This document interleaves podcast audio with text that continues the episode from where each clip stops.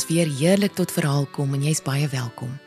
Ons gaan vanaand luister na twee kort verhale deur Jolyn Phillips wat ons beter ken as digter, maar net so behendig is met 'n storie in prosa vorm. Ek het albei hierdie stories gekry in die nuwe Afrikaanse prosa boek, saamgestel deur Sonja Loots en Stewart van Wyk en verlede jaar uitgegee deur Iman en Resou. Elmarie Johnson gaan die verhale voorlees vanaand en sy gaan begin met die storie Lelik.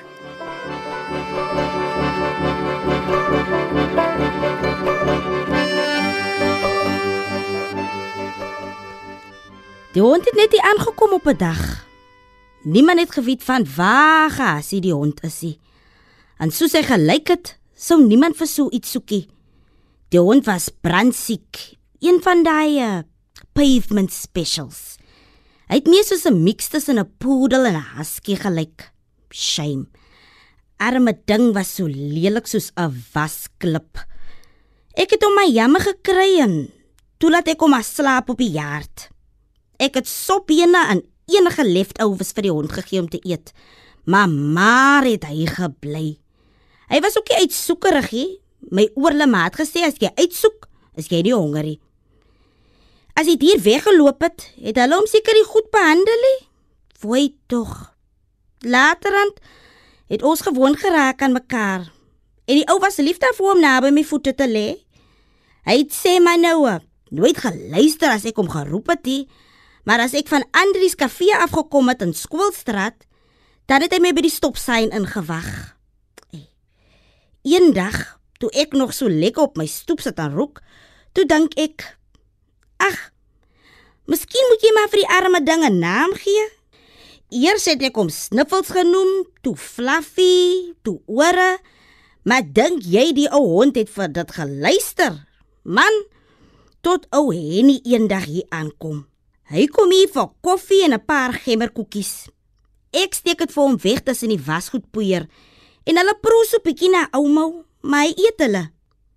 Henny bly eintlik hier by my in die huis. My vergeet homself baie keer. Hy kan nie onthou wie hy was of waar hy vandaan kom nie. Dis die wyn wat sy kop so weggevreet het. En hy kom elke dag met 'n ander akkel hier aan. Gister was hy glo van die Kaap 'n ouerke. En vandag kom hy hom voorstel as 'n lang verlore neef. Môre is hy seker weer van Amerika. ek verbeel my ook maar so saam met hom man. Ek moet sê as ek die dag my lag kan inhou, praat ek ook jou yes en you know Engels. Dis reeds daai dag wat die hond na Henny toe kom en hom bereik. Ou en ek kan seker ook nie meer na mens rykie. Vader weet. Dis asof hy wyn sweet. Nietemin. En hy sê, "Liewe Jemmel, maar die hond is lelik." Skielik sit die hond kiers regop en hy wys sy stert, heel opgewonde. "Daar sit," roep ek uit. "Die bledie hond se naam is lelik." Jene Henny Ek soek nou al so lank vir jou dinge naam. As jy luister vir lelik, doop ek jou lelik. Maar genoeg van die hond. Laat ek jou meer vertel oor ou Henny. Hy is maar snaaks so oomie, 'n dwaler. Hy het 9 vingers en hy het 'n Afrikaanse aksent wat klink soos daai eh, skietskop en donder movies wat ons Vrydag aan op ETV kyk. Net die skepper alleen sal weet waar hy daai aksent gekry het. Ry. Nou dat ek daaraan dink, ek het nooit eens gevra nie. Jare gelede het Henny by 'n slaghuis langs Susans in die dorp gewerk. Een aand moes hy die slaghuis toesluit, maar toe kry die duiwel hom beet. En hy besluit hy gaan vir hom vleis steel voor hy huis toe gaan. Hy toe al 'n paar slukke suurwyn in en toe In plaas van die vleis, sny hy sy wysvinger af. Ene tog. Een aand, toe hy van sy loop afkom, hou hy kom tot daar waar ek voor die hek staan.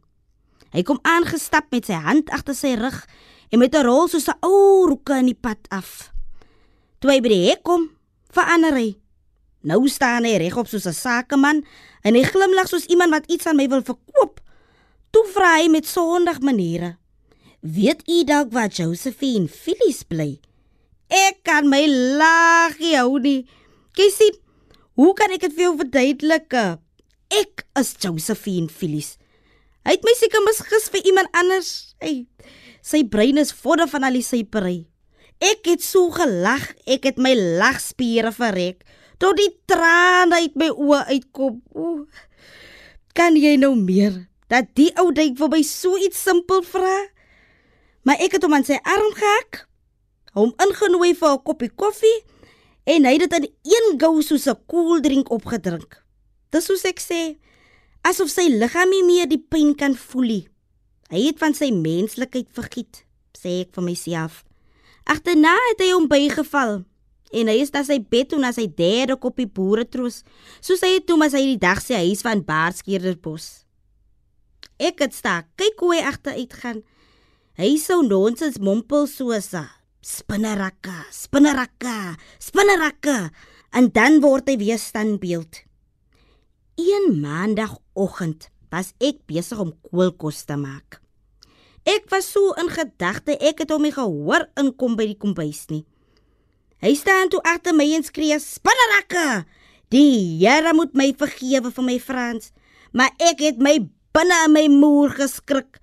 Al wat jy sien is die houtlepel en kool wat vlieg in die lug. Hy gedief fucking jong. Ooh. O, Henny en lelik het beste vriende geword. Daar waar Henny was, daar was ou lelik ook. Soos twee tikkies in 'n ryk man se sak. O, Henny kon nie meer so vinnig loop nie. En dis toe dat lelik hom agtervolg. En as jy net waag om aan nou Henny te vat, moet jy weet jou enkel sal gevreet word. Dit het daarom my senuwees minder laat werk. Want lelik was daar om agter hom te kyk. So dit was snaaks toe lelik by die huis aankom sonder ou Henny. Ek sê toe vir myself: Hy kom seker nog aan. Loer seker eers by iemand in. Na 'n paar ure is daar steeds geen Henny nie. Ek het gaan kyk of Henny nie dalk onder op die straatsteen sit nie. Dit was 'n usual spot waar hy sit en pyp rook. Maar Henny was ook nie daar nie. Ek het begin bekommerd raak toe die straatligte aangaan. Donkerte het begin te op ons dakke sit en steeds kom hy net nie uit nie. Toe byt ek maar my trots tussen my tande vas en loop vra sy seun om my polisiestasie toe te vat. Hy het mos nou 'n kar. Ek wil nou nie uitpraat nie. Maar daai is ou Henny se huis. Sy seun het met sy slim streke gekom en hy het laat sy pa die huis wegteken. Hy en sy stewige vrou kan glo nie agter sy pa kykie. Die polisieman het vir ons gesê ons moet oor 72 uur terugkom. Ek sweer, dit was die langste 72 uur van my lewe. Ons is toe terug polisiestasie toe. Henny is nou net wyd weg. Die sergeant laat ons 'n vorm invul. Hy het gevra, "Het ons fotos?" Ek het een gehad van hom op sy jong dag voor sy kop te mekaar geword het. Toe ons nog saam by die visfabriek gewerk het. Die jong Henny lyk niks soos die ou Henny nie, maar dit is darm iets. Maande later was ou Henny se gesig nog op die TV. Man, die kinders soek, die kerk soek, die skool soek, die snuffelgids soek. Ek sê jou, almal soek behalwe lelik. In die meantime het Henny se oudste seun, die ander twee seuns ook verwiller. Dit kom hulle toe. Hulle wil mos geen een na hulle pa kykie. Die oudste een het aangebou en gepaint en die plek lyk nou grand. Ou Ticket, die jongste broer, bly nou in 'n karavaan op my gerd. Skerel die middelbroer slaap by sy meide. Hoe die oudste broer alleen die huis op sy naam gekry het as 'n misterie.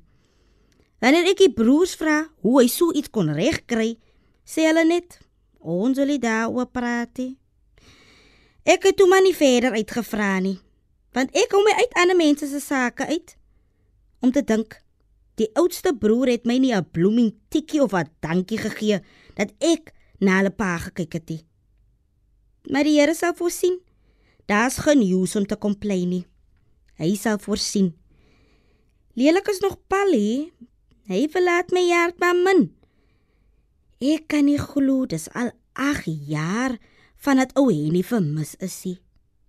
Tot vandag toe glo ek nog dat Henny eendag hier sal aankom van 'n lang dwaal af. ek wonder wie hy die keer sal wees. Seker 'n Fransman of 'n Engelse gentleman. En as ek die swaar hoes by die hekkie hoor, sal ek hom gaan haal en hom innooi vir koffie, soos gewoonte. 'n Niksige gemmerkoekiesie? Nee. Die keer eet ons eystervarkies en oliebolle. Dis mos sy favourite. Op die oomblik is lelik my enigste hoop. Ek weet lelik weet waar sy vriend is. Die enigste probleem is ek praat en lelik blaf.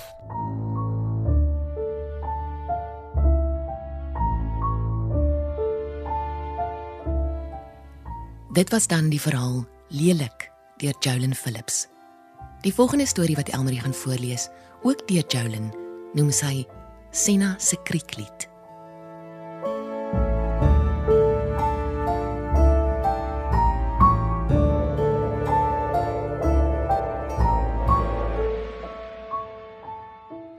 Elke aand voor Senna gaan slaap, droom sy die storie wat haar pa vir haar as kleindogtertjie vertel het. Die kamer waarin sy bly in Blikkiesdorp het net 'n bed en 'n kas wat saam met haar gekom het toe sy by haar oom hulle kom bly het 10 jaar gelede. Haar tas staan in stof vergader op die kas. Sy slaap op 'n enkel bedjie.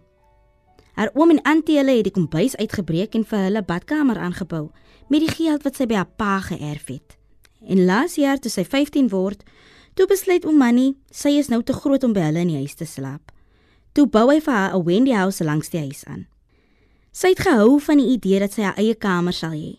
Maar meeste van Auntie Lydia se ou skoene en klere en breekgoed staan in die plek vol. Die kamer reuk na tabak en sweet wanneer haar oom kom inloer. Maar deesdae kom hy nie meer daar nie.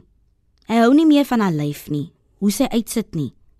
Goeie griet, juffroutjie. Jy begin soos 'n waatlemoen te lyk. Sy het nog net haar pa se drome waarin sy vashou as om Manny haar los in die Wendy in die nag. As Antilija slaap. Sy hoef nie te wag vir die maan wat vanaand soos 'n vinger na lyk in die lug nie. Sy maak haar oë toe. Kan jy die krieke hoor, Sena? Kan jy hoor waaroor hulle sing, my kind? Vra pappa. Sy trek haar gesig in die antwoord. Nee, Ag, dis maklik pa se blompot. Hulle sing die nag wakker. Hoor net. Pa sê elke keer so, maar ek hoor niks. Hoe kan ek krieke die nag wakker sing? Sien nog weer oor na die peerboom wat op die heuweltjie staan. Daar breek 'n glimlag soos 'n halwe maan oor haar gesig. Sy en haar maatjies hou daarvan om onder daardie boom te speel. Hulle vat ou bokse en gly en gil van lekker kry as hulle op hulle maat in die heuwel afgelê. Kan die antwoord daar wees? Alle pa se vrae het altyd 'n snaakse antwoord. Hy dink hy soos ander pappasie, dink sy. Nou gooi sy weer haar aandag pad toe. Die boer se bakkie het 'n ruk gelede daar verbygery. Maar die oranje stof staan stokstyf en wag daar vir alles om te gaan slaap. Sena dry na haar pappa en dink: Dalk sal iets in sy oë die antwoord weggee. Maar niks. Net maar dieselfde uitdrukking wat hy net vir haar bære. Ek weet nie, pappa. Sê my toe asseblief tog. Nou ja, neskierige kind. Eendag op 'n reendag was daar 'n vrou met die naam Ou Tante Koba. Sy het 'n boggelrug gehad en vreeslik gestink na tabak. Sy het 'n pink en wit polkodotjie gedra en dit het soos 'n grys wolk op haar kop gestaan. Sy het al die geheime van Pereberg geken. Die mense het gedink sy is 'n heks, want een mens kan mos nie so baie goeters ken nie. Maar eendag, toe sy lus vir die boer se appelliefies wat in sy tuin groei, toe dink sy: "Kom ek ruil 'n geheim vir 'n appelliefie." Op een voorwaarde, waarskei ou tante Koba, moet vir niemand sê nie, hoor. Wat is die geheim, pappa? Hier kom die nonsens in, kind. Ons weet dit. Jy sien, dit het eers by die boer begin en toe later aan het dit met almal gebeur. Wat, pappa? Wat? OK, Sena. Laat ek klaar praat. Ek vra om verskoning, pappa.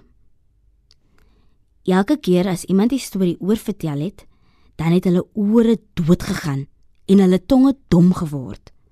Ah. Oh, so dis hoekom pappa nie weet nie.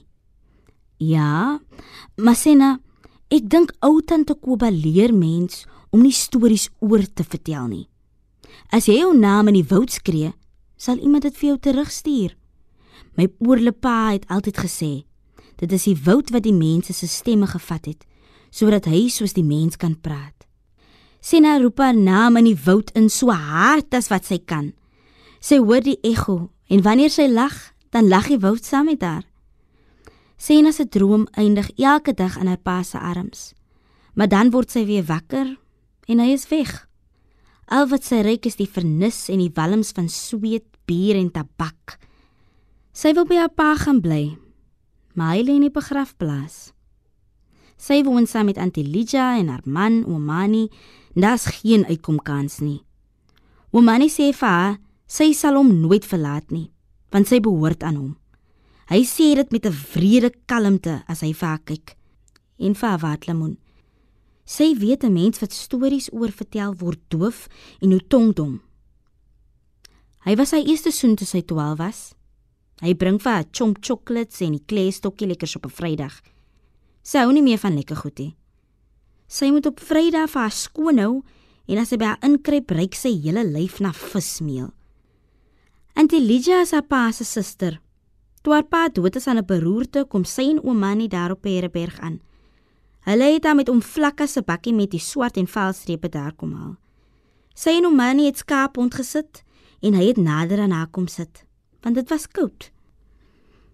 Dit was altyd net sy en pappa. Pappa was veronderstel om lank te lewe. Hulle was mekaar se familie. Maar soos Auntie Lydia vir haar gesê het, hy gaan hom nie terugbring nie. Hy is dood. Sy gee nie meer om dit aan die Lydia vir haar klawa nie. Ons het nie geld om nog 'n kind groot te maak nie, manie. Hoekom my broer moes gaan staan en dood? Af hy moet afvat. Sy sal moet weet, hier bly niemand vir nitie. Sy moet gaan. Hy nee, my liefie. Ons kan dit mos nie doen nie. Dis jou eie bloed. Ons kan mos nie aan net so weggooi nie. Dink net aan die Mandela van liefie. Elke bietjie help want jy moet die bloedjie gaan liedjie. Jy weet tog hy gaan niks op Perberg aan nie. Almal het getrek of lê begrawe agter die skooltjie liedjie. Ek weet manie. Al wat ek sê is dat dit my skuld is dat my broer sy lewe op daai verdomde plaas loop wegsmy het. Vir wat loop weg hy as hy Tibet? Het hy nie gedink nie? Hy kon saam met ons getrek het. Hy het hy plaas te lief gehad.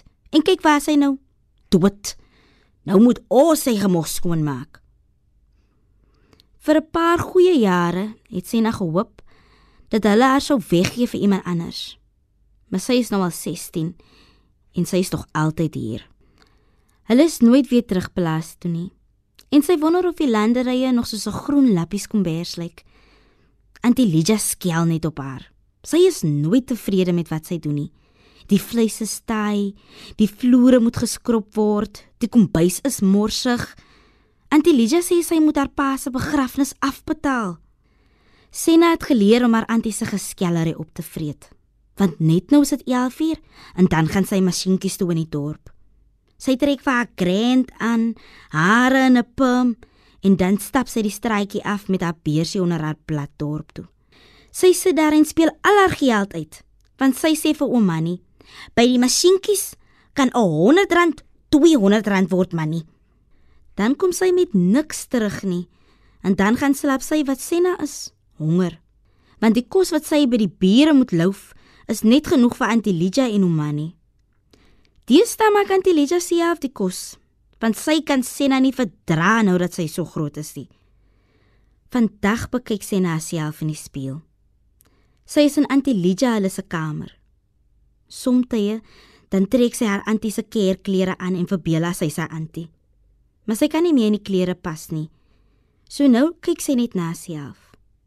Haar borste voel swaar en seer. Haar ou broeses pas nie meer nie. Haar maag is groot en vol strepe en haar naaltjie maak 'n punt soos 'n knoop in 'n ballon. Ons moet hoop en bid dat Auntie Lydia vir ons kos bring vandag, Vatla mondjie. Fluister sy vir haar mag terwyl albei haar hande daarop rus. Weet jy, pappa sal so uitgesien het om jou te ontmoet. Hy sou definitief die storie van die krieke vir jou vertel het. Wat dink jy, Vatla mondjie? Ek beloof, as ek jou gaan haal in die hospitaal, gaan ons Pereberg toe. Ek is seker die boer vir wie pappa gewerk het, is nog daar en hy sal my onthou. Ek weet dit. Ouma Manny sal jou nie knyp nie. Ons gaan regtig gelukkig wees. Ek beloof. Sena sing terwyl sy die groot rok gryp wat haar buurvrou haar gegee het en dit oor haar kop gooi. Jy smile moentjie. Kom haal jou swinkie in die môre toe. Jy smile moentjie, want ek is lief vir jou. Sena stap terug na die Wendy huis. Elke keer as Auntie Lydia die huis verlaat, dan gaan haal sy 'n blikkie onder die bed uit. Auntie Lydia het dit nog nie reg gekry om haar blikkie in die hande te kry nie. Toe sy uitvind van haar waatlemoentjie, het sy al haar klere gevat en verbrand. Nou kan jy nêrens gaan nie, meid het sy gesê. Sy wou weet wie die pa is, maar sy kon nie vir Auntie Lydia die waarheid sê nie. Sy het die geheim in haar blikkie. Sy wou nie soos die mense na pa se storie word nie. Ten minste kom oom Manny nie meer na haar kamer toe nie. Oom Manny sê: "Ou Lydia is net jaloers omdat jy 'n waatlemoentjie dra. Lydia is droog van binne en sy is nie eintlik meer 'n vrou deesdae nie." sê hy vir haar. Sena gaan versigtig op haar knieë en reik uit na die blikkie onder die bed. Die blikkie is nou 'n bietjie verroes, maar sy gee nie om nie. Dit is asof hulle albei saam groot word in Blikkiesdorp. Binne in die blikkie is 'n pink strikkie en 'n pa se begrafnis sangboekie. Daarop is nog dieselfde foto wat in sy ID-boekie was. Sy weet nie hoe lank dit gaan vat om by die huis uit te kom nie, dink sy by haarself. As hy daar kom, gaan sy vir haar pa 'n paar kompakters en gonnabossie pluk om op sy graf te sit. Wanneer sy opkyk, is dit oom Manny wat voor die deur staan. Hy is dronk. Sy oë is glaserig en hy kyk haar geil aan. Sy weet wat sy moet doen. Gee hom wat hy wil hê. Dis nou nog verby. Want sy gaan een van die dae huis toe.